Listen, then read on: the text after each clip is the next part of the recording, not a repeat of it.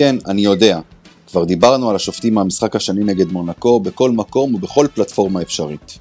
הוויכוח אם הפסדנו בגלל השופטים, או שפשוט בגלל שהיינו לא מספיק טובים, כנראה לא יוכרע לעולם. אגב, באמת לא היינו מספיק טובים במשחק השני. הרבה דברים שעבדו לנו מצוין במשחק הראשון, לא עבדו מספיק טוב, או שלא עבדו בכלל, במשחק השני. אבל אולי בכל זאת יש לשופטים נגיעה גם ביכולת של הקבוצה בכל מה שקשור לכדורסל? בואו נחשוב על זה רגע. מכבי התחילה לא טוב את המשחק, אבל הצליחה לחזור וגם לעלות ליתרון. אבל כמעט לכל אורך המשחק נשרקו שריקות מוזרות נגד מכבי, כשהשיא הגיע במחצית השנייה. בכל פעם שמכבי יצרה מומנטום קטן ועשתה קולות של חזרה למשחק, הגיעה עבירת תוקף, או עבירה טכנית, או הרחקה. בסופו של דבר שחקנים הם בני אדם, וכשהם רואים שלא משנה מה הם עושים, הם לא מצליחים לסגור את ההפרש בגלל שריקות מוזרות של השופטים, זה משפיע גם על היכולת. רצים סרטונים ברשת על השריקות המוזרות של השופטים נגד מכבי. רק צריך לשבת ולראות את זה כדי להבין שמשהו מאוד חריג קרה כאן, ואין שום ספק שזה משפיע באופן ישיר על היכולת של השחקנים במגרש. רוצים עוד דוגמה? קיבלתם. כששחקנים רואים שבצד אחד של המגרש שורקים על כל מגע, ולפעמים גם כשאין מגע בכלל, ובצד השני נותנים לשחק אגרסיבי, השחקנים מבינים שאם לא, הם לא ייזהרו בהגנה, מהר מאוד הם ייכנסו לבעיית עבירות. וזה כמובן משפיע על המשחק. יש עוד דוגמאות שאפשר לתת, אבל אני חושב שהרעיון די ברור, ולכן נחזור להתחלה. מונקו הייתה הקבוצה הטובה ביותר על המגרש, אבל עם שיפוט קצת יותר הוגן, מכבי הייתה יכולה לנצח את המשחק בסופו של דבר, וזו השורה התחתונה.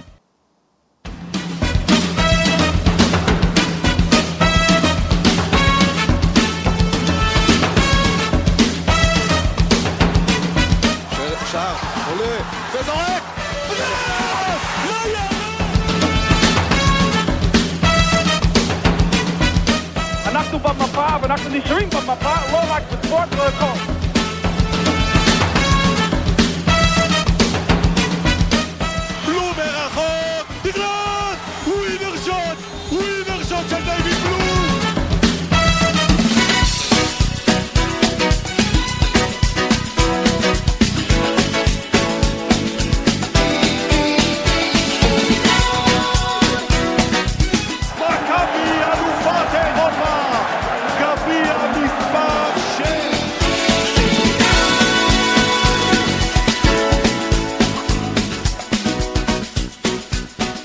אהלן חברים, שלום, ברוכים הבאים לעוד פרק של מכבי פוד, שלום לך גיא.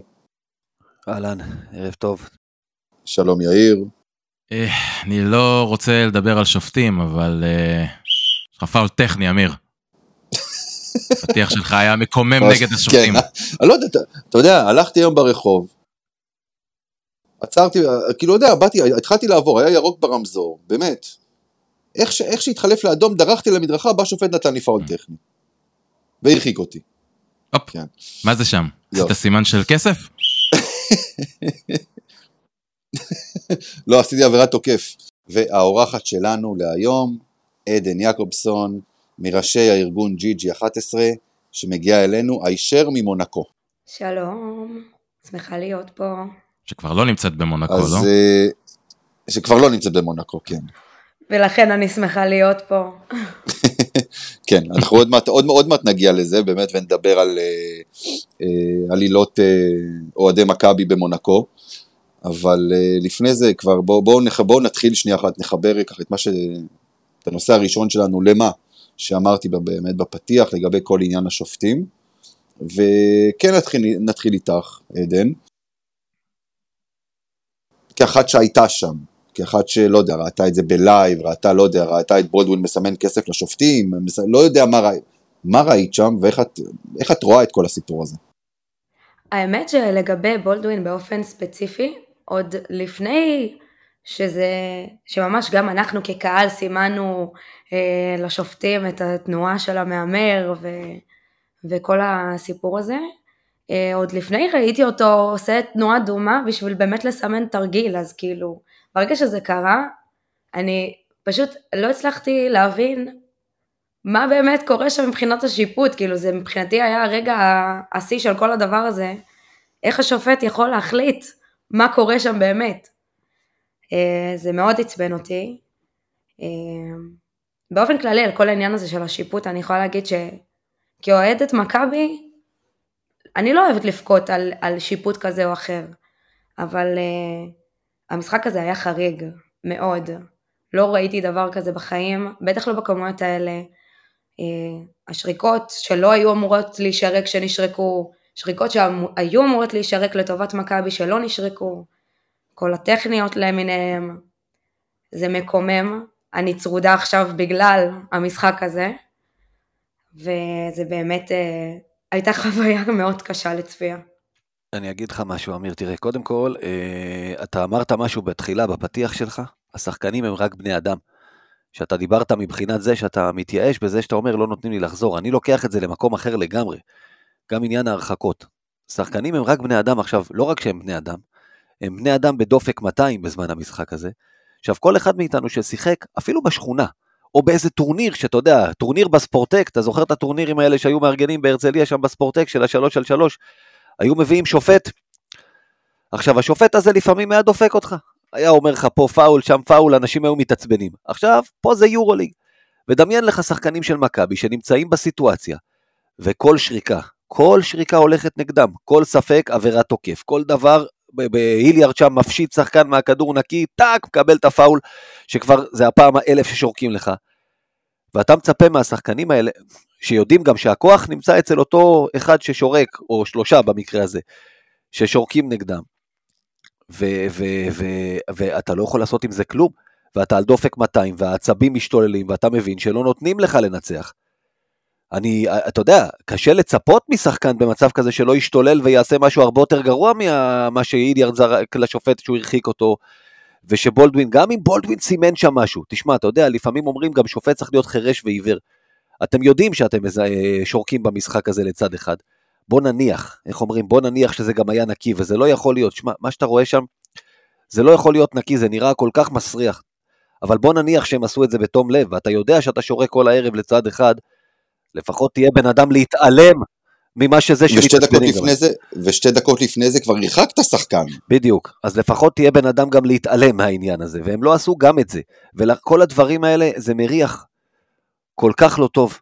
תשמע, זה, זה פשוט היה נראה, אתם יודעים, אני באותו זמן, אני שידרתי משחק של נשים בכלל, מלאומית נשים, לא ראיתי את המשחק בלייב, השלמתי אותו אחר כך, התעדכנתי תוך כדי, שמתי לי מסך בצד, ומהתגובות הבנתי שהשופטים מפרקים אותנו שם. אז אני באתי הביתה וראיתי את זה, מה שנקרא, אחרי זה קר רוח ורגוע, וכבר ידעתי למה לצפות, כי אני מניח שאם הייתי רואה את זה בלייב, הייתי הרבה פחות רגוע בעניין הזה. ויש ו... את, אה, את הסרטון שעשה אה, אריאל גינסברג, הידוע AG Highlights שם, שעשה את זה מאוד מאוד יפה, שמראה את זה בשידור של היורוליג.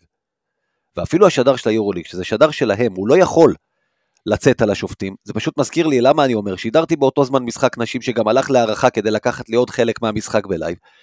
והמשחק שלי, בנקודה הפרש, היה שם פאול, אתה יודע, מהפאולים ש- ש- שאתה עושה פאול שנייה, עשר שניות לסיום, נקודה הפרש, עושים פאול לשלוח לקו. שהכדור אצל הקבוצה שמובילה בנקודה, כן?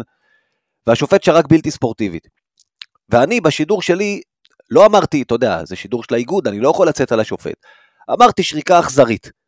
אחרי זה אמרתי שם לחבר'ה, תשמעו, לא שורקים דבר כזה, ואתה גם, זה, זה מאוד הזכיר לי אחרי זה בהקשר הזה, כי אתה שומע את השדר של היורוליג, שהוא מחזיק את עצמו, פשוט מחזיק את עצמו לא להגיד שהשריקות הן שערורייה.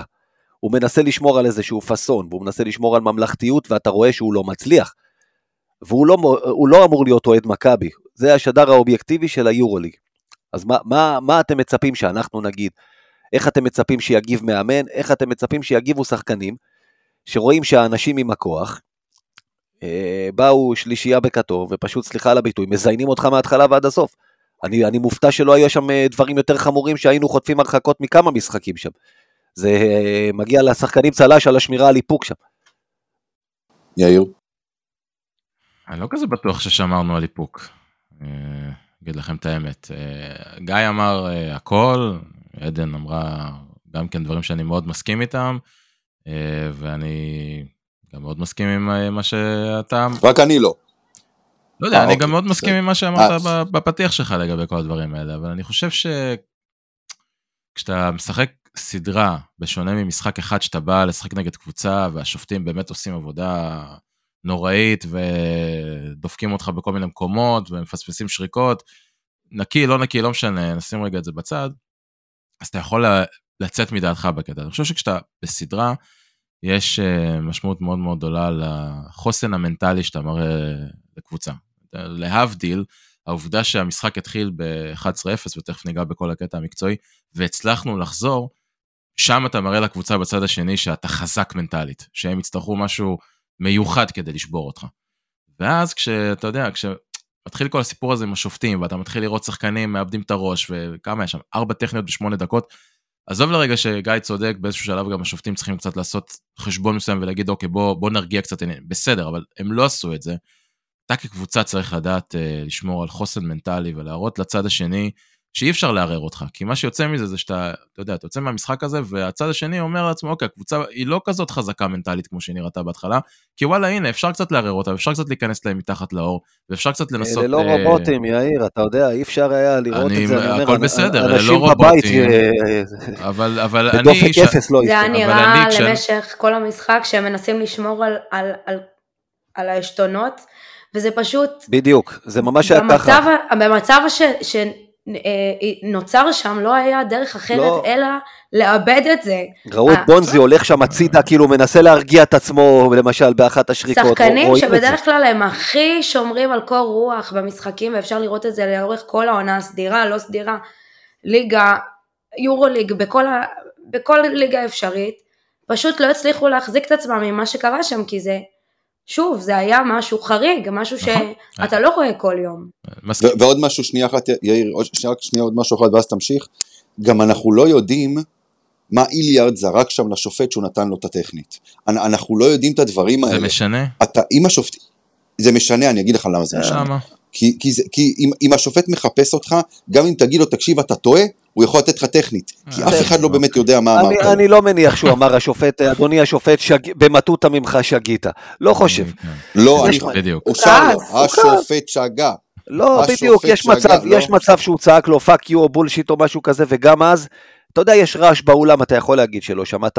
אנחנו ראינו מספיק פעמים שופטים עושים את זה. עוד פעם, נכון, אני, כל מה שאתה אומר הוא נכון מהצד של השופטים, אבל אני אומר, אמרנו את הכל השופטים, וכולנו מסכימים שמה שהיה שם נע בין שיפוט מאוד ביתי במקרה הטוב, למשהו מאוד מאוד אה, לא כשר, מסריח, משוחד, איך שלא תרצה לקרוא לזה במקרה הרע.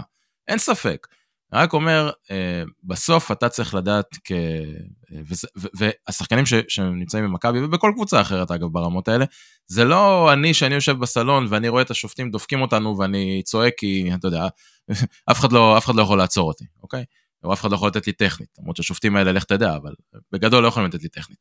אה, היה יוצא לך מהטלוויזיה, תקשיב, כן. זה רק היה חסר שם במצבים אה, האלה. כן, זה יכול להיות. אז, אז אני אומר, קח דוגמה למשל את איך שבולדווין יצא. ברור שמה שהיה שם, אגב, אה, בולדווין, אה, רואים, יש איזושהי זווית אחת שרואים את זה, אני חושב באותו סרטון של אריאל שתיארת, שדיברת עליו מקודם, רואים זווית מהיציע של אוהדי מכבי, כאילו מאחורי הסל, ורואים אותו עושה תנועה, לא- לא רואים את זה, אבל כאילו זה לא, זה לא אותה תנועה כאילו של כסף, כי היד היא בזווית אחרת. אה, ו- ואחר כך כשהוא בא להסביר לשופט את זה, אז אתה יודע, אז הוא גם יוצא, והוא זורק שם עוד איזה מצביע על השופט השלישי, ומתחיל לצעוק, זה נראה לא טוב. אני אומר עוד פעם, בצד השני, יש קבוצה שמסתכלת על זה, וזה בונה לה את הביטחון, וזה גורם לה לחשוב שהיא יכולה לערער את הקבוצה בצד השני, וזה גורם לה לחשוב שהמצב לא כזה נורא כמו שהוא היה כשירדנו למחצית בפיגור נקודה, אוקיי? אז אני רק אומר, בסדר, אם- אם חבל ש- אם יקבלו את העזרה. מהשופטים בכל משחק, אז כן, הם יצליחו לערער לך את הביטחון גם ביד אליהו. אם יבואו ואני- שופטים באותה מגמה, כן, כנראה שזה ישפיע גם שם. מאוד מאוד מקווה שהקבוצה לא תבוא בגישה שאתה מתאר כרגע, גיא, כי זו גישה לדעתי לא נכונה. צריך להניח שבהיכל השיפוט יהיה לכל הפחות יהיה תקין, ולהתחיל את המשחק במקום הזה, אוקיי? אה, לא יודע מה יהיה בפועל, נראה ביום שלישי. אני רק, אה, מה שאני, שורה תחתונה, מה שאני מנסה להגיד, אה, אני לא מאשים את השחקנים של מכבי שהם אה, איבדו את העשתונות שלהם בצורה הזאת, רק אומר שחבל שזה הגיע למצב הזה, כי לדעתי זה באיזשהו מקום עושה לנו קצת נזק. ברמת הסדרה אני מתכוון. אוקיי, אמ, אז מביזיון השיפוט לביזיון הקהל, או ביזיון היחס לקהל, יותר נכון, תודה גיא על המשפט, עזרת לי, לעשות אחלה קישור. אמ, עדן, היית במונקו, וככה לפני שהתחלנו את ההקלטה, ככה התחלת לספר לי ממש בנגיעות על, על, על מה שהיה שם, עכשיו תספרי לכולנו. אה, אוקיי, אז אה, אני מניחה שהרוב כבר יודעים שככה איך שזה התנהל זה שרוב האוהדים בעצם אה, ישנו בניס, גם הקבוצה עצמה, שזה בערך חצי שעה נסיעה למונקו, וככה באמת היה אפשר לראות בשלושת הימים האלה אה, נוכחות מרשימה של אוהדי מכבי ברחובות, גם בניס וגם במונקו. אה, אני יכולה להגיד שביום שלישי זה היה יום כזה ממש מוזר. גם היה יום הזיכרון, כולם רצו כאילו לכבד את המעמד ואת המרחק הזה מ- מישראל, ו... אז הכל היה כזה בשקט, גם אנשים שהלכו בצהוב ברחוב, זה היה כזה מאוד מאוד שקט. ואז היה אה, את ההתכנסות שהגייט ארגנו, שזה היה משהו מאוד מאוד נחמד, לציין את, ה, את יום הזיכרון והליכה שקטה כזאת לא, לאולם. ובעצם איך שהגיע הרגע ונכנסנו לאולם וככה עברנו מיום הזיכרון ליום העצמאות, כולם פשוט התפוצצו. זה היה טירוף של עידוד עוד, עוד לפני שהמשחק התחיל, וכולם פשוט חיכו לרגע הזה, כל השקט הזה שלפני, זה ממש היה השקט שלפני הסערה. אמ, אז ככה, כל מי שנכנס דרך היציע עידוד, אה, אה, באמת עבר בידוק קפדני מאוד. אה, הצמידו אותם לקיר, כל אחד מהם עבר בידוק של כלבים שהעריכו אחד אחד, וזה בלי בכלל להתחיל להגיד על התנאים המחפירים של האולם הזה. כבר בכניסה לאולם מרגישים את המחנק, כאילו אין אוויר, אין חמצן, אין מזגן. אה, במהלך המשחק אי אפשר לצאת לשירותים, אי אפשר להכניס שנייה, שתייה לתוך, ה, לתוך המגרש, למקומות. יש דוכן אחד למכירת שתייה, הוא נמצא בסוף העולם, וכולם צריכים להתכנס שם ולחכות בתור יחד עם האוהדים של מונקו בשביל אה, זהו, לא, משהו. זאת השאלה שרציתי לשאול. רציתי לשאול אם, אם במקרה יודעת אם זה יחס שהוא גם יחס כזה גם למארחים. את אומרת שגם האוהדים של מונקו הולכים לאותו דוכן. יש דוכן אחד, זה אני עמדתי בתור יחד עם האוהדים של מונקו, וגם הם צחקו יחד איתי, אני לא צחקתי, אבל הם צחקו, שבצרפת אין טכנולוגיה בשביל אה, להרשות אה, אוויר לאוהדים שמגיעים. לא, זה הזיה, ביעילות התנאים יותר טובים, זה, כאילו, זה הזיה. זה היה הזוי. ולכן באמת היו אוהדים ש... שנזקקו לטיפול רפואי וזה לא, לא בצחוק, אני יכולה להגיד לכם שכבר גם במשחק השני יחד עם הלחץ שהגעתי איתו, איזשהו התקף חרדה שליווה אותי כמעט עד סוף המשחק והחוסר אוויר הזה באיזשהו שלב אני פשוט, עזבו את זה שלא הצלחתי לעודד וכל העצבים על, על, על כל המשחק הזה וכל מה שקרה בו הביא אותי לאיזשהו קצה, פשוט לא הצלחתי לנשום, היה רגעים שבהם פשוט לא הצלחתי. רגע, אבל... הרגשתי שכאילו אני עם סחרחורת וכמעט מתעלפת. התנאים במשחק הראשון והשני היו אותו דבר? בעיקרון היו אותם תנאים. כי... פשוט האווירה קצת השתנתה מהמשחק הראשון לשני. כי הרגשתי שהקהל שלהם. נשמע קצת אה, פחות במשחק השני, בראשון שמעו אתכם, אני יכול להגיד, הרגשנו בבית, שמעו את זה גם דרך הטלוויזיה, דיברנו על זה בהקלטה הקודמת שלנו אחרי משחק מספר 1. משחק מספר 2, תקנו אותי, לפחות אני פח, שמעתי פחות את הקהל. יכולה להגיד לך בדיוק למה זה גם קרה. במשחק הראשון, עוד פעם, אנחנו שלטנו באולם הזה. הייתה הרגשה שמכבי על כל היציעים, כולם עודדו ביחד, היה טירוף. במשחק השני, לעומת זאת, פתאום היה להם קהל, פתאום היה להם איזשהו ארגון עידוד קטן, היה דגלים, היה תופים פתאום שהגיעו לגייט, הרשו, בהתחלה היה איזשהו סיפור עם הכנסת הציוד שלא רצו לאשר, בסופו של דבר הם הסכימו לאשר להם להכניס תוף אחד, לכן גם אני מיציע אחר אל מול יציע העידוד, שמעתי פחות את העידוד שלהם, ככה שאפילו לא ידעתי מה אני אמורה לשיר. אה, תראי, וזה אה, במקביל... בואי נגיד, בואי נגיד, אה, זה שהם ארגנו להם איזה מקהלה, שפתאום תהיה להם במשחק השני, ואיזה דגלים וכאלה. גם הכרוז היה, היה אה, מחריש אוזניים. אם זה היה או שהכרוז מצטרף אליהם, או שהייתה מוזיקה תוך כדי. זה היה פתאום משהו אחר. נו, אז, אז מישהו במונקו וגם... עכשיו יעריך את שי סידי. כן, אוקיי, תמשיכי. יכול להיות. אז אה, הגייט לא עשו עבודה פחות טובה, או הקהל שהגיע לא עשה עבודה פחות טובה בעידוד מהמשחק הראשון לשני.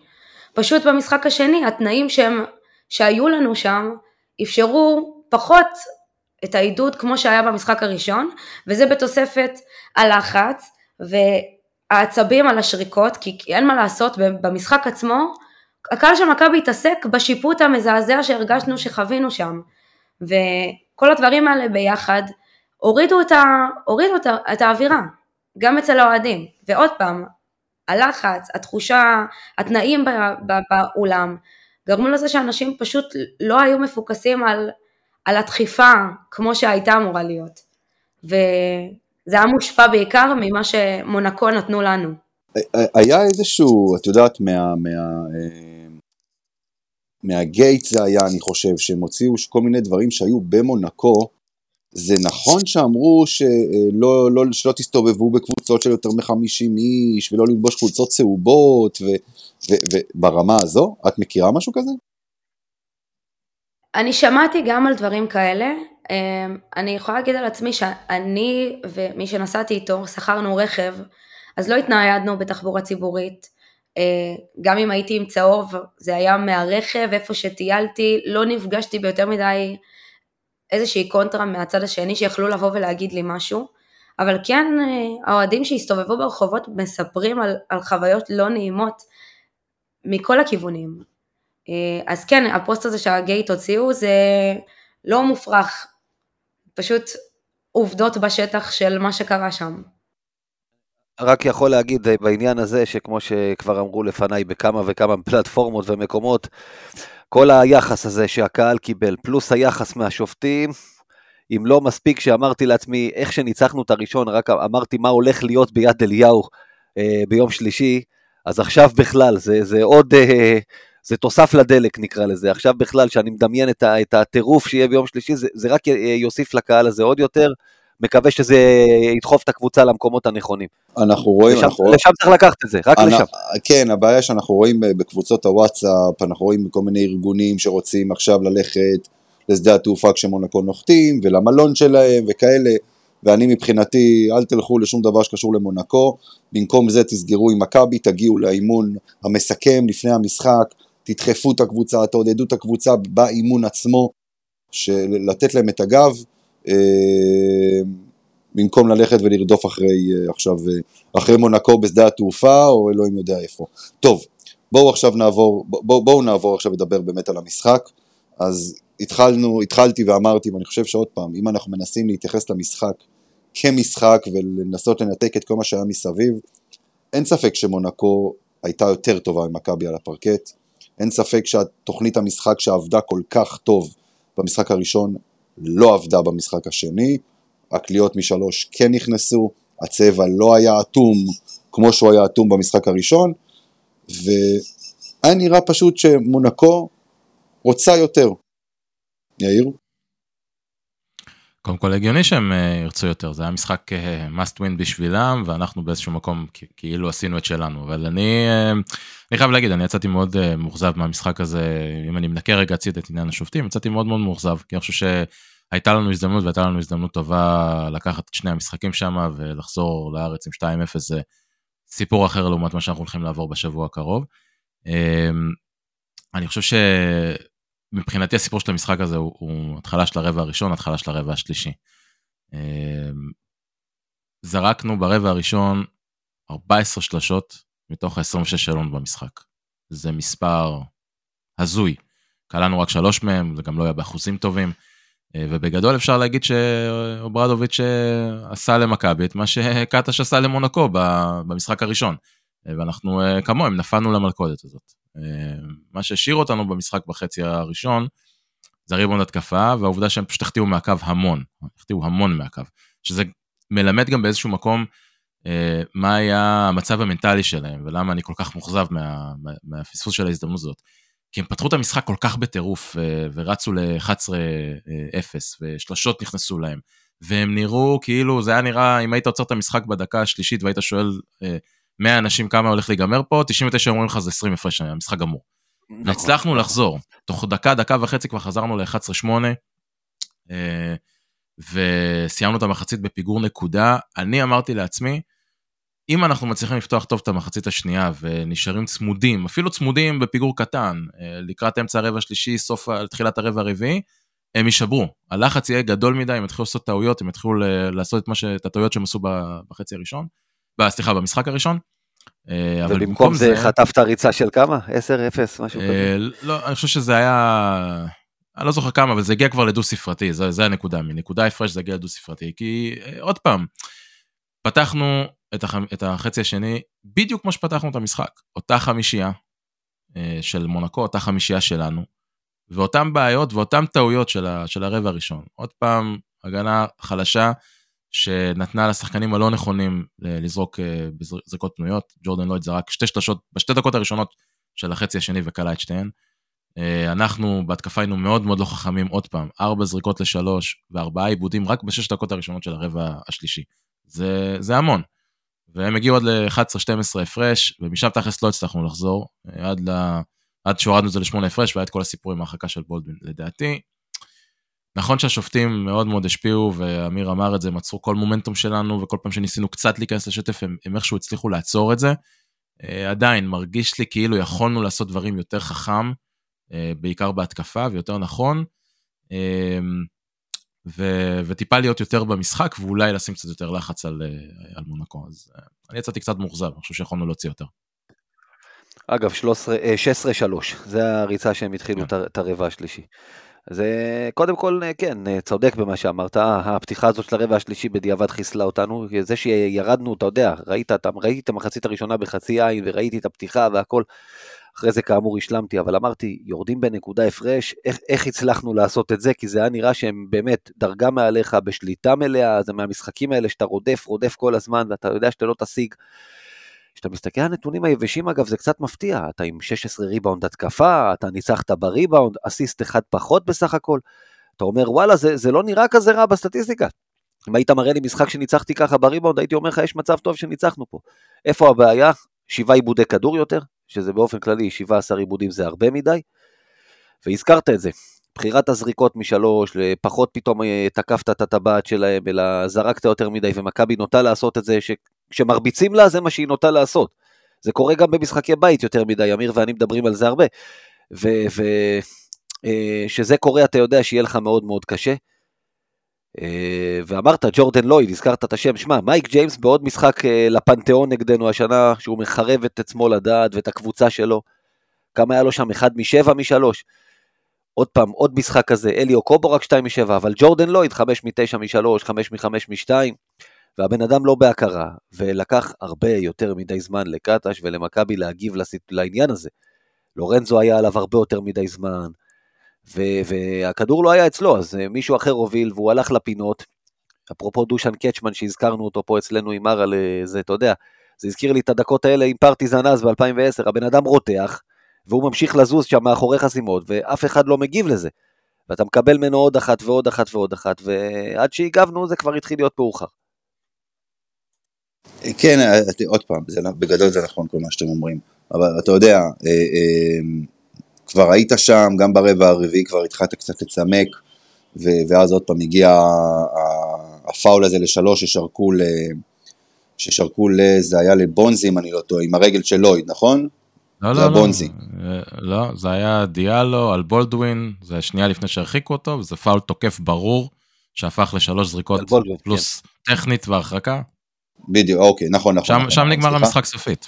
נכון, נכון, נכון, נכון. אמ, אבל אתם יודעים, אנחנו מדברים על מה לא עבד ומה לא זה.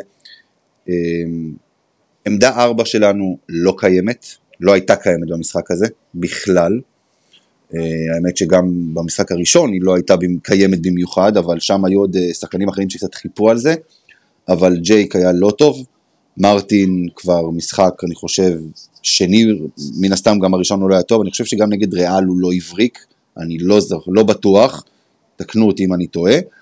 אמ, הוא, הוא קצת, קצת איבד את, ה, את, ה, את היד שלו שהייתה לו מחוץ לקשת, אה, בונזי שלו היה טוב, האמת שהיחיד שהיה טוב זה היה אה, אה, בולדווין וקצת ניבו, כל השאר פשוט לא הגיעו.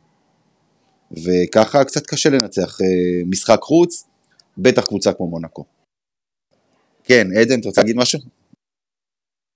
אה, כן, במשחק הראשון ניצחנו די על, ההגנה, הצלחנו בעצם אה, למנוע את החדירות לסל, הכרחנו זריקות משלוש שהיה 4 מ-26, במשחק השני הם הכניסו 11 מ-31, באחוזים זה, זה, זה שליש, אבל בסופו של דבר זה הביא להם את הנקודות.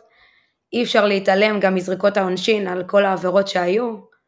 אה, והרבע השלישי, ששם שם נגמר המשחק בגדול. אה, גם כשהצלחנו לצמצם קצת ברבע הרביעי, אה, אז באמת העבירה לשלוש הזאת גם הכריעה. יאיר, משהו שאתה רוצה להגיד עוד על המשחק, או שאנחנו, שאתה יכול עכשיו כן. לעבור... אוקיי, אז תחבר את מה שאתה רוצה להגיד עם המפתחות ועם מה צריך לעשות שונה במשחק ביום שלישי. אוקיי. אוקיי. אני רוצה רגע להתחיל מג'רל מרטין, אמרת איבד את היד שלו, אני חושב שאיבד את היד שלו זה הבעיה אולי השלישית או הרביעית בתור איתו. Uh, הבעיה העיקרית איתו זה שהוא פשוט השתולל במשחק הזה מבחינת זריקות. הוא הכריח זריקות, זה, זה הרגיש, בעיקר במשחק השני אגב, כאילו הוא עולה למגרש והוא ממש בכוח מנסה לקחת איזה שלושה שתיכנס כדי לנסות להיכנס לסדרה. אה, ויצא בשני המשחקים לדעתי שהזריקה הראשונה שלו הייתה שלושה שהיא לא הייתה פנויה, אלא שלושה על שחקן, בכדור הראשון שהוא קיבל, כשהיה אפשר לוותר על, ה, על הזריקה הזאת ולנסות להיכנס למשחק טיפה יותר אה, בצורה, אתה יודע, לתת למשחק לבוא אליך, מה שנקרא. ואני חושב שקטש קצת נרדם איתו שם, אה, במשחקים האלה, ולא עשה את העבודה, לא רק קטש, כל הצוות בכלל, לא עשו איתו את העבודה כדי טיפה להרגיע אותו ולהכניס אותו יותר טוב לעניינים. כי בסוף אתה מסתכל על הנתונים, והשחקן שסיים עם ה-usage הכי גבוה במכבי תל אביב בשני המשחקים האלה, זה ג'רל מרטין. וזה לא הגיוני. כי אנחנו מדברים על השחקן שבי פאר היה הכי פחות יעיל שלנו. זה 0.17 נקודות לפוזיישן, שזה, אתה יודע, ברצפה. אה, זוכרים שדיברנו פה כמה פעמים, רייטינג התקפי, net rating, יעילות ל-100 possession עם כל זה, רייטינג התקפי שלו במשחקים 1-2, 35. אנחנו במינוס 91.9 נקודות ב net rating איתו על המגרש. זה מספרים לא הגיוניים. עכשיו, אה, ברור שזה לא באמת הפער האמיתי כשהוא נמצא, עוד פעם זה נתונים סטטיסטיים, כן, אבל זה מראה כמה הבן אדם היה לא יעיל במשחקים האלה, ובסוף אם הוא השחקן שקיבל הכי הרבה החלטות בדקות שלו על המגרש, זה פשוט לא, משהו פה לא התנהל נכון איתו, ו... וזה בעייתי, כי אנחנו צריכים את העמדה הארבע הזאת אה, בשני משחקי הבית שלנו. אתה מקבל, אתה, השחקנים שמאיישים לך את העמדה 4 בגדול זה, זה, זה מרטין וג'ייק, וקיבלת משניהם בשני המשחקים ביחד, משניהם יחד שלוש נקודות. ו, ושניהם זו אותה בעיה, הם היו יותר מדי בחוץ, אתה יודע, תמיד אומרים, אם לא הולך לך, קודם כל תתקרב. ג'רל מרטין, יש כן. לו גוף גדול, הוא יכול לעשות post-up, אנחנו ראינו אותו אז נגד ריאל מדריד, איך הוא הלך פתאום ופירק את הטבעת, אז תתחיל משם, תתחיל לחדור, תפסיק לזרוק. ג'ייק כהן, מה שהוא היה צריך לעשות זה להיכנס פנימה ולנהל את המשחק מהפוסט, כמו שהוא עשה בתקופה שאמרנו, שהוא פתאום אה, אה, חווה רנסאנס כזה, והוא חזר להיות הג'ייק שבורח החוצה וזורק שלשות בסדרה הזאת. בעיה קשה, מכבי תל אביב תתקשה מאוד גם בבית לשחק בלי עמדה 4, עמדה אחת פחות בכדורסל, אתה יודע, יש כולה חמש עמדות, זה לא כדורגל. אתה לא יכול לא לקבל תרומה מעמדה אחת במגרש, זה, זה לוקסוס גדול מדי. כן, אבל, אבל ביד אליהו אני מניח, מניח שמרטין אה, יתנהל בצורה קצת שונה, כי זה עדיין יד אליהו, אה, כנ"ל אגב גם לגבי ג'ייק, אני, שוב, אני מניח, אה, אי אפשר לדעת. אני, אני, חושב, אני חושב אגב שיש לזה פתרון שלא ניסינו אותו מספיק, והוא משולב עם, עם שני שחקנים. זאת אומרת, כן, קודם כל, קודם כל בונזי בארבע נגד בונזי בארבע, איליארד בשלוש. בדיוק. עבד במשחק הביתי נגד מונקו שמחקנו 19 פיגור, זה היו דקות נהדרות של נכון. בונזי בארבע. ושוב, דיברנו על זה לפני הסדרה, למונקו נכון.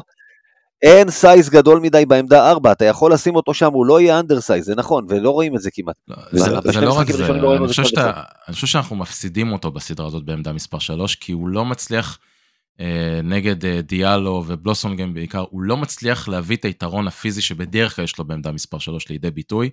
אה, ולכן אנחנו רואים אותו באמת לא משפיע על המשחק. ובדקות שלו בעמדה 4, שהם לא היו, אה, לא היו הרבה דקות כאלה בשני המשחקים, הם דווקא היו דקות טיפה יותר טובות. אה, זה נראה לי כאילו עודד קצת מפחד מהריבאונד התקפה של מונקו, אם, בונזי נמצא בעמדה מספר 4, ובגלל זה הוא מעדיף לא לשים אותו שם, זה, ריבאונד זה מפתח הגנתי מאוד חשוב בסדרה הזאת מבחינתנו.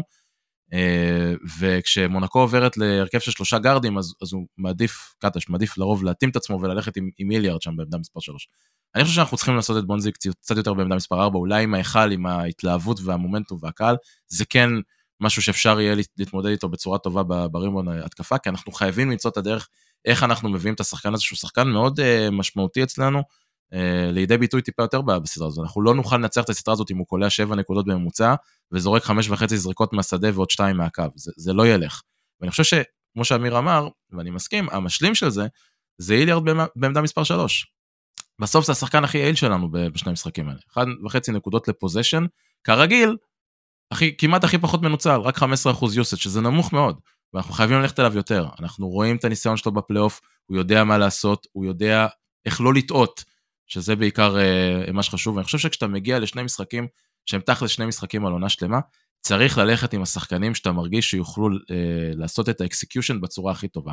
והיליארד הוא חד משמעית אה, אחד מהשחקנים שלנו בסדרה הזאת בצורה הזאת. כל נזק, ואני עושה את זה עם מירכאות, שהוא אולי גורם בהתקפה, אם, בהגנה, סליחה, אם יש בכלל כזה, אני חושב שהוא מינורי לעומת מה שאנחנו יכולים לקבל ממנו בהתקפה, ואנחנו צריכים עוד קלעים, ביטחון ליד לורנזו, ליד בולדווין, זה משהו שיעזור לנו למנוע ממונקו להצטופף פנימה לתוך הרחבה, שזה מה שהם עשו במשחק מספר 2. אה, ואני יכול להיות שאני אפילו הייתי פותח את המשחק השלישי עם בונזי בארבע ואיליארד בשלוש. אולי אפילו מעלה את בונזי מהספסל, אבל איליארד צריך לקבל יותר, אה, יותר אה, במה. עדן, מה, מה המפתח שלך, המפתח הכי חשוב, לנצח את משחק מספר 3, קודם כל? קודם כל אני חושבת שברגע שאנחנו חוזרים הביתה, הדברים יהיו שונים, כי האווירה זה כבר אנחנו מתחילים ביתרון. אבל אה, אני, אני, אין לי פתרון חד משמעי, אני פשוט חושבת שצריך לעשות מה שעשינו במשחק הראשון, לבוא ולהפתיע אותם ולהוסיף איזשהו אלמנט נוסף שפשוט ירתיע אותם ולא יגרום להם להצליח לקלוע את הזריקות מהשלוש ולמנוע מהם את החדירה לסל ופשוט לנסות לעצור אותם. אני, אני, אגיד, אני אגיד לכם משהו, אני, אני חושב, וראינו כולנו את, את לורנזו אה, במשחק מספר 2, הוא לא היה טוב, וזה בלשון המעטה. אה, גם אם, אם אה, אה, גם במשחק מספר 1 הוא לא היה להיט גדול, אבל במשחק מספר 2 הוא באמת היה די חלש, והוא המפתח שלנו, במיוחד בבית, במיוחד בזה שהוא עוד פעם הרכז הטבעי היחיד שמשחק, ואם לא הוא אז זה בולדווין. אנחנו צריכים את לורנזו בעניינים, אחרת אנחנו נהיה בצרות. ופה התפקיד של קטש למצוא את הפתרון איך להוציא אותו מכל הטרפים ומהלחץ שמפעילים עליו הגארדים של, אה, הגארדים של מונקו. אני חושב שזה משהו שמאוד מאוד חשוב שאנחנו נעשה, אחרת עוד פעם, אנחנו כן, תהיה לנו בעיה פה. מה הממוצע של אה, מכבי העונתי? נקודות? אתם יודעים? סדר גודל? אזור ה-84.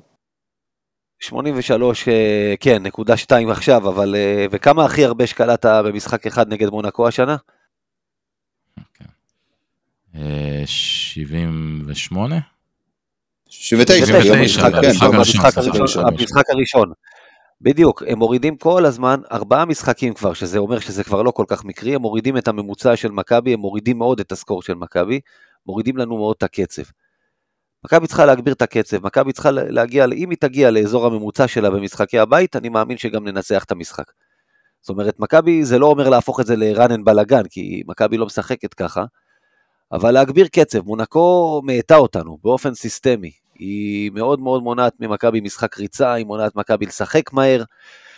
במשחק השני זה עוד יותר בלט, הרבה מאוד התקפות הגיעו לסוף שעון, אבל uh, ו- וזה מפתח מספר אחד. במשחק הראשון אגב במונקו הצלחנו סך הכל לשחק מהר יפה, עשינו כמה שטויות פשוט והרבה התקפות נגמרו בכלום. אה, הוצאה לפועל יותר טובה עם הקצב של המשחק הראשון, זה לדעתי המפתח הכי חשוב מבחינתנו למשחקי הבית. אני אה, לגמרי מסכים עם, אה, עם גיא, הבעיה שלנו בגדול, בגדול בסדרה הזאת הבעיה שלנו בהתקפה. אנחנו לא מצליחים להגיע לנקודות שלנו וזה באמת נוגע לעובדה שמסביב ללורנזו ובולדווין אנחנו לא מצליחים לקבל מספיק מהשחקנים מסביב אבל זה התקפה. מה ראינו המון דיונים במהלך אחרי משחק מספר 2 בעיקר מהרבה מאוד אוהדים בכל מיני פורומים שונים. נותנים להם להמשיך לזרוק מבחוץ כן או לא מה אתם אומרים? כן. מעדיף לסגור את הצבע, okay. אוקיי. מעדיף לסגור את הצבע, לסגור את, ה, את, ה, אה, אה, את החדירות, לסגור את הגבוהים, לסגור את הריבאונד. את הפיק רול, בדיוק. כי, כי גם, אתה יודע, גם במשחק השני כן. שהם כלאו טוב יחסית אליהם, הם לא קלעו באחוזים כאלה גבוהים יחסית לקבוצת... רק לויד. רק לויד, זהו, כל האחרים אז... עדיין המשיכו באחוזים של גבינה, לסגור אותם, נכון. לתת להם חוץ מללויד, זה, זה העניין. לא, יפה, אז בוא, בוא נדבר על זה רגע. את לויד סגור, אתה יודע, איך זה נקרא? box and one, אני יודע, כאילו לויד, אה. לויד מקבל צוות, לויד לא מתפנה, לויד לא נשאר פנוי לזריקות. כל היתר, כולל מייק ג'יימס, שרק אה, תן לו להמשיך להחריב. זהו, ההבדל בין ג'ורדן לויד לבין אה, אוקובו וג'יימס, שאוקובו וג'יימס הם יותר מנהלים את המשחק, הם יותר פליימקרים, לויד הוא יותר finisher, זה הופך אותו לטיפה יותר מסוכן בטקטיקה ההגנתית שלנו, אבל אני מסכים עם שניכם. אגב, עדן, אם יש לך דעה שונה, תרגישי חופשי להתפרץ ולהגיד אה, מה פתאום, תמנעו שלושות בכל, אה, בכל מחיר. אה, אבל בסוף בסוף, כמו שאמיר אמר, גם במשחק השני שהם קלעו טוב, זה סך הכל 35 אחוז, זה לא איזה אחוז שאתה אומר, תשמע, זה הנדול הוא אפס בפריים שלה. אה, ואם אתה מוציא את ג'ורדן לויד החוצה מהמשוואה הזאת, במשחק השני כל יתר מונקו כלה 6 מ-22, שזה 27 אחוז שזה בכלל קטסטרופה. אנחנו ו... נחיה עם זה לגמרי. בדיוק, כאילו, אז, כן. אז אני לוקח את מה שאמרת גיא, וקודם כל אני חושב שזה מראה שהטקטיקה ההגנתית באופן עקרוני היא נכונה. Okay, אוקיי? כי זה מוכיח את עצמו מבחינת אחוזים, זה מוכיח את עצמו מבחינת הנקודות שהם קולעים. נכון שג'ורדן לויד היה במשחק מטורף במשחק השני, אבל אני חושב שזה גם היה בעיקר כי לא הגבנו לעובדה הזאת. זאת אומרת, ראינו את אוברדוביץ' אה, עושה שינויים קצת עולה עם לויד, עולה עם אוואטרה כדי שיהיה קצת קליעה יותר טובה מסביב לג'יימס, אה, וראינו שבתחילת המשחק זה עבד להם וזה באמת עזר להם להיכנס טוב למשחק. אה, אני חושב שלא הייתה לנו תוכנית ב' לנושא הזה, זאת אומרת, באנו עם רעיון הגנתי מאוד מאוד חכם, ברגע שמשהו קטן לא לגמרי עבד בו, שזה הקליעה של אה, לויד בעיקר, לא היה לנו תשובה לזה. זאת אומרת, לא היה משהו אחר לעשות, ואני חושב שזה מה שאנחנו נהיה חייבים למצוא לו פתרון לקראת יום שלישי. מצב שבו אני לא יודע, או, של, או שללויד באמת מטפלים אחרת כשהוא על המגרש ולא נותנים לו את הזריקות הפנויות האלה, אה, או, ש, שמתמודדים אה, אחרת עם מצבים שבהם הגארדים של מונקו רוצים לחדור פנימה לסל, אני לא יודע, אני משאיר לקטש למצוא לזה פתרונות, אבל חייב להיות לזה פתרון, כי באופן עקרוני אנחנו באמת נרצה שהם ימשיכו לזרוק כמה שיותר מבחוץ, חוץ מלויד, ולקוות באמת שכל השאר הקבוצה שם תמשיך לפגוע באחוזים האלה, סביב ה-30 אחוז, זה, זה מה שאנחנו, כמו שגיא אמר, יכולים לחיות איתו, יותר מזה, יכולים וצריכים גם לנצח איתו. שמע, זה היופי שבסדרה, אתה יודע, כל הסיפור הזה, הנה, השפנים האלה שפתאום באים ממשחק למשחק, אה, וואטרה שאתה הזכרת עכשיו פעם ראשונה פתאום שאוברדוביץ' שלף אותו, אז אה, אתה יודע, יש לך תמיד את ה... בכל משחק יש לך את ההפתעה הקטנה, כי אתה לא יכול כבר יותר מדי, קבוצות כבר לומדות להכיר לך את השנייה. אה, עכשיו תור קטש להוציא איזה שפן. אלון בן זקן אגב עדיין במערכת.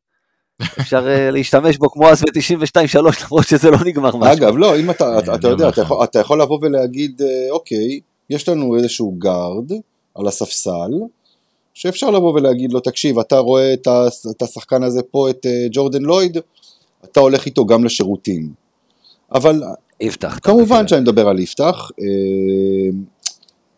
עברנו, זה ברור שזה לא יקרה, גם עברנו את הימים האלה. עובדה שכשסקריולו שלף את ה box and one הזה, כולם הסתכלו עליו כאילו הוא נפל מהירח, פחות או יותר. אז, אז, אז אנחנו כבר לא בימים האלה, אני חושב, זה לא באמת, זה לא באמת יקרה. לא, לא, לא צריך, לא צריך box and one, צריך פשוט לדעת איך אתה עושה את הרוטציה ההגנתית, כשאתה מנסה למנוע באמצעות הגארדים חדירה פנימה, איך אתה עושה את הרוטציה ההגנתית בצורה טובה יותר, כדי שלויד לא יקבל מבטים פנויים, או עוד פעם, אולי ללכת קצת יותר... אה, בשיטות אחרות, לא יודע מה, אולי איזשהו סוג של uh, הגנה אזורית שראינו לכמה דקות במשחק השני עם איזשהו דגש על אוהד. יש, יש לזה דברים האלה, האלה פתרונות, פשוט לא ראינו אותם, אבל uh, בוא נקווה שביום שלישי כן נראה משהו אחר, ואני כן חושב שיש לנו של... שפן לשלוף מהספסל, הוא פשוט צריך לקבל קצת יותר זמן על המגרש. איליארד. כן, כן. יש גם פניני. קודם כל הוא צריך להיות בסגל. בסדר, דיברנו על ספסל, הוא יושב על הספסל, לא אמרנו שהוא אם הוא לבוש, יש גם בריימו. אה, לא, אמר, לא אמרת איזה ספסל. לא, בדיוק, לא זה, טוב. קטנה אחת, מאזן החוץ של מונקו השנה ביורוליג, אגב, הוא 8-9, שלילי, כמעט 50 אחוז. היא ניצחה, אוקיי, השנה, ו- היא ניצחה השנה באוואקה, היא ניצחה השנה בפיראוס, היא ניצחה השנה במדריד. לא הייתי כל כך, אתה יודע, יותר מדי אנשים אצלנו בטוחים שזה טיול, שני משחקים לקחנו ועלינו, קבוצה שיודעת לנצח בחוץ. לא גיא, הייתי ממהר כל כך גיא. לזלזל בהם. גיא, בוא, בוא, אתה יודע, אתה מדבר על מאזנים כאלה, אתה צריך לזכור, מונקו, אתה מדבר על תחילת העונה, על אמצע העונה, מונקו כשהגיעה הגיעה לסדרה מולנו הייתה בכושר פחות טוב, אנחנו בכושר יותר טוב, אנחנו, אין לנו איזשהו מאזן חוץ מפ... מדהים, מה המאזן שלנו ב... מה המאזן שלנו בוא נגיד ככה, בחוץ בחודשיים האחרונים?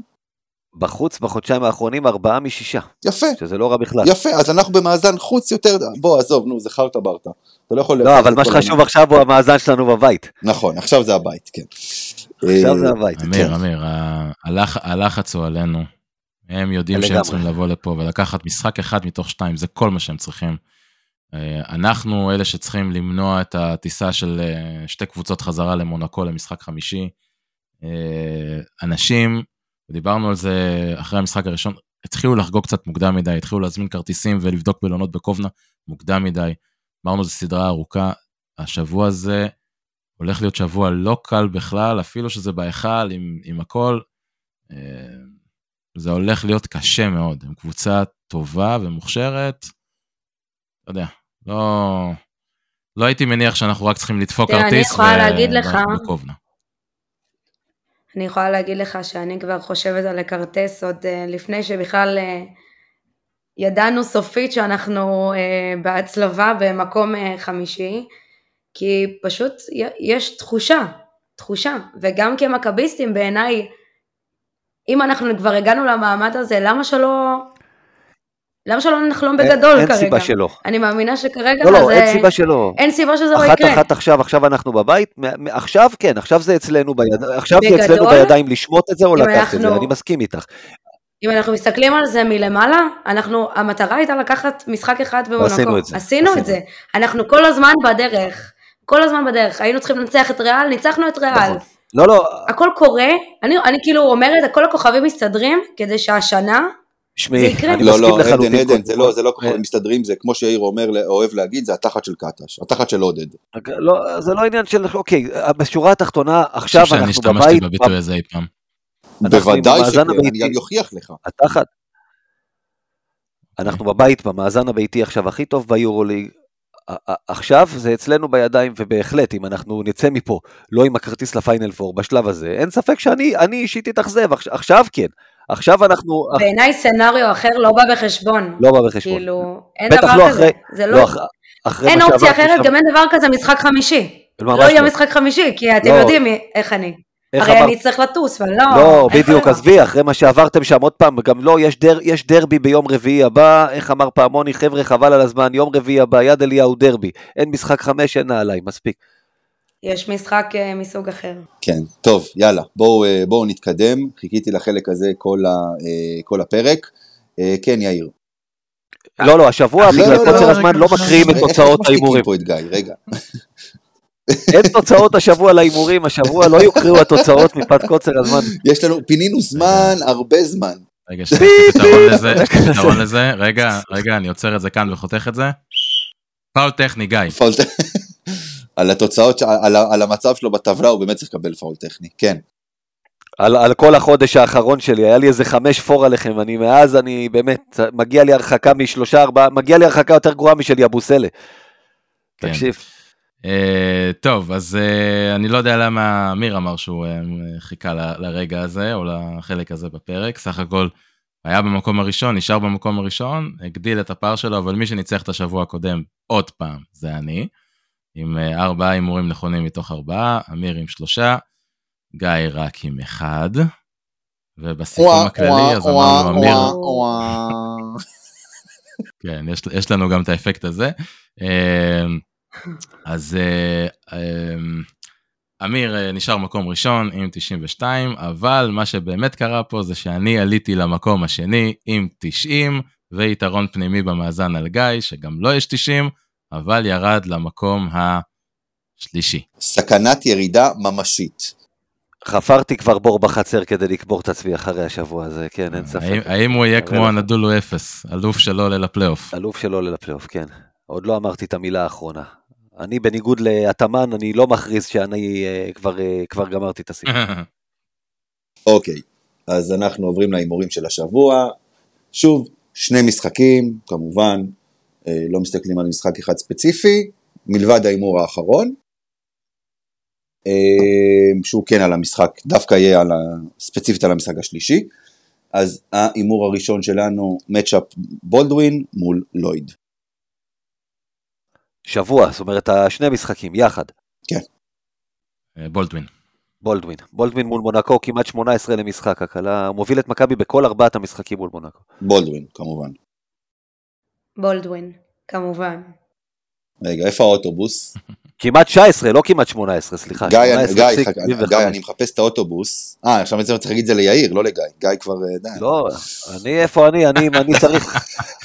אני צריך טוסטוס עכשיו להשתחל, איזה אוטובוס. אוקיי. matchup rating, שוב רייטינג, בונזי, מול אלפא דיאלו. אנחנו חוזרים על אותם הימורים? חוזרים, מה, יש לך משהו יותר טוב? אה, תשמע, עוד פעם, אלה, אלה, אלה המפתחות, בסופו של דבר, אלה המפתחות פה. אז שבוע שעבר אלפא ניצח לדעתי, לא? משהו. כאילו מי לקח רייטינג יותר גבוה? כן. השבוע, כן, אז זה הש- אוקיי. זה השבוע, השבוע של השבוע של בונזי. בונזי, בדיוק. זה השבוע של זה, טבחים, שבוע שבוע, זה השבוע של בונזי. גם אני הולך בונזי. עדן? בונזי. בונזי, בונזי, אין... אה, הוא, הוא חייב להתעורר על עצמו וזה יקרה. קיצור, תחסוך את ההימורים, אמיר, כולם אותו כולם דבר, אותו סגור את דבר. כן. כי יאללה. כולנו רוצים לטובת מכבי, אז כולנו מהמרים על מכבי. כולנו מאמינים שזה אה, יקרה. אני לא יודע.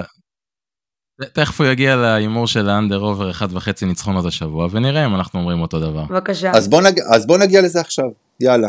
under over אחת וחצי יאללה. ניצחונות השבוע. over. אנדר. פי יאללה. ת- זה נקרא לפזר ביצים, היות ואמרתי 3-1 למכבי בסדרה, אז עכשיו אני הולך אנדר, משהו ידבק. יפה, יפה, למדת, יפה, כל הכבוד, גיא.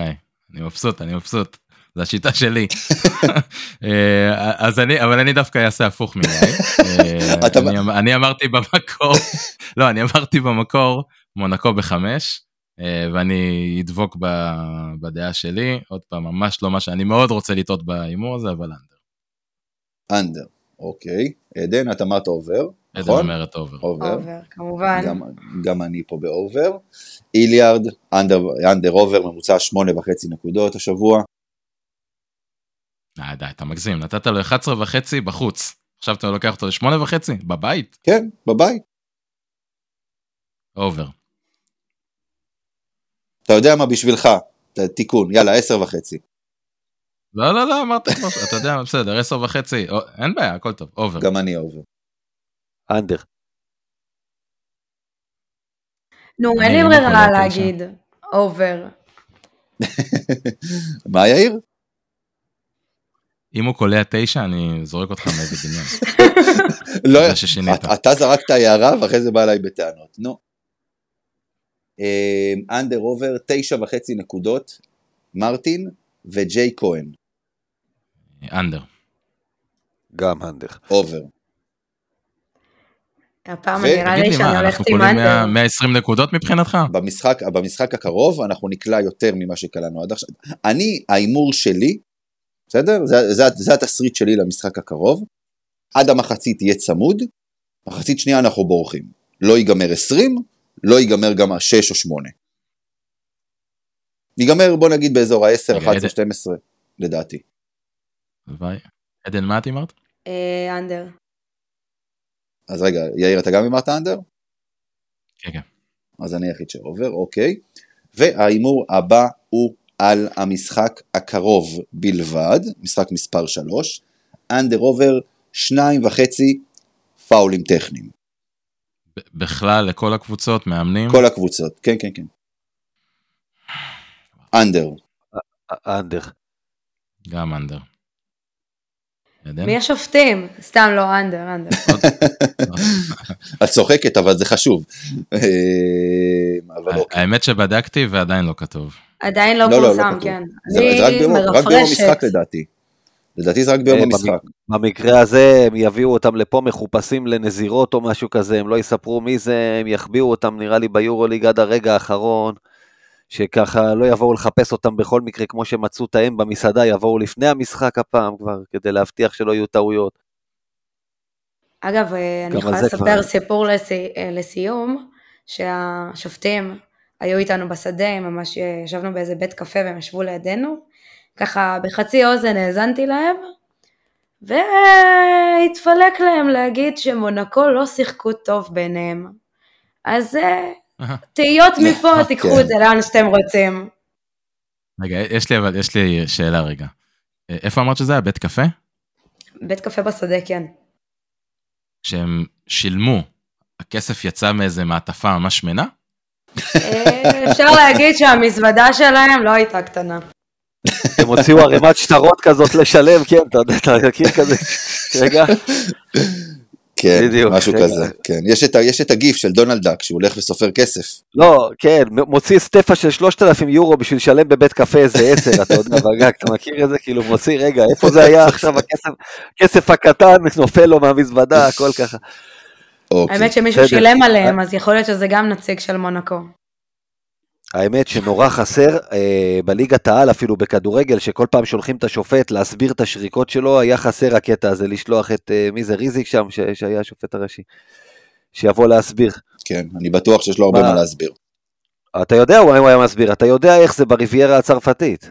אתה קם בבוקר, אוכל ארוחת ערב עם ז'קלין, אני יודע מה מתחיל לבלבל לך את המוח, כאילו זה זה מה שהיה קורה, שותה, ואחרי זה שותה איזה דרינק עם אבלין.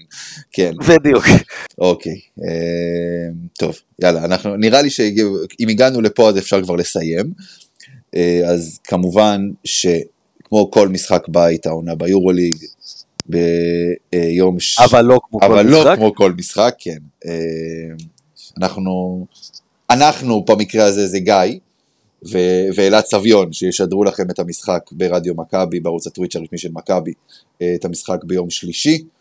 אני בשל אה, אירוע משפחתי שייקח אותי השד לא אהיה ביד אליהו, אבל אה, אני חוזר ב- בפול פאוור מה שנקרא ביום חמישי, בתקווה לשדר משחק על עלייה לפיינל פור.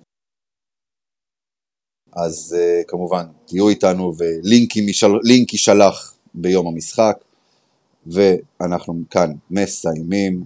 אתם יכולים לחפש אותנו בפייסבוק, בקבוצת האוהדים של מכבי תל אביב, בטוויטר, באינסטגרם, בטלגרם, קהילת הוואטסאפ uh, uh, שלנו, וכמובן אתר מכבי פוד.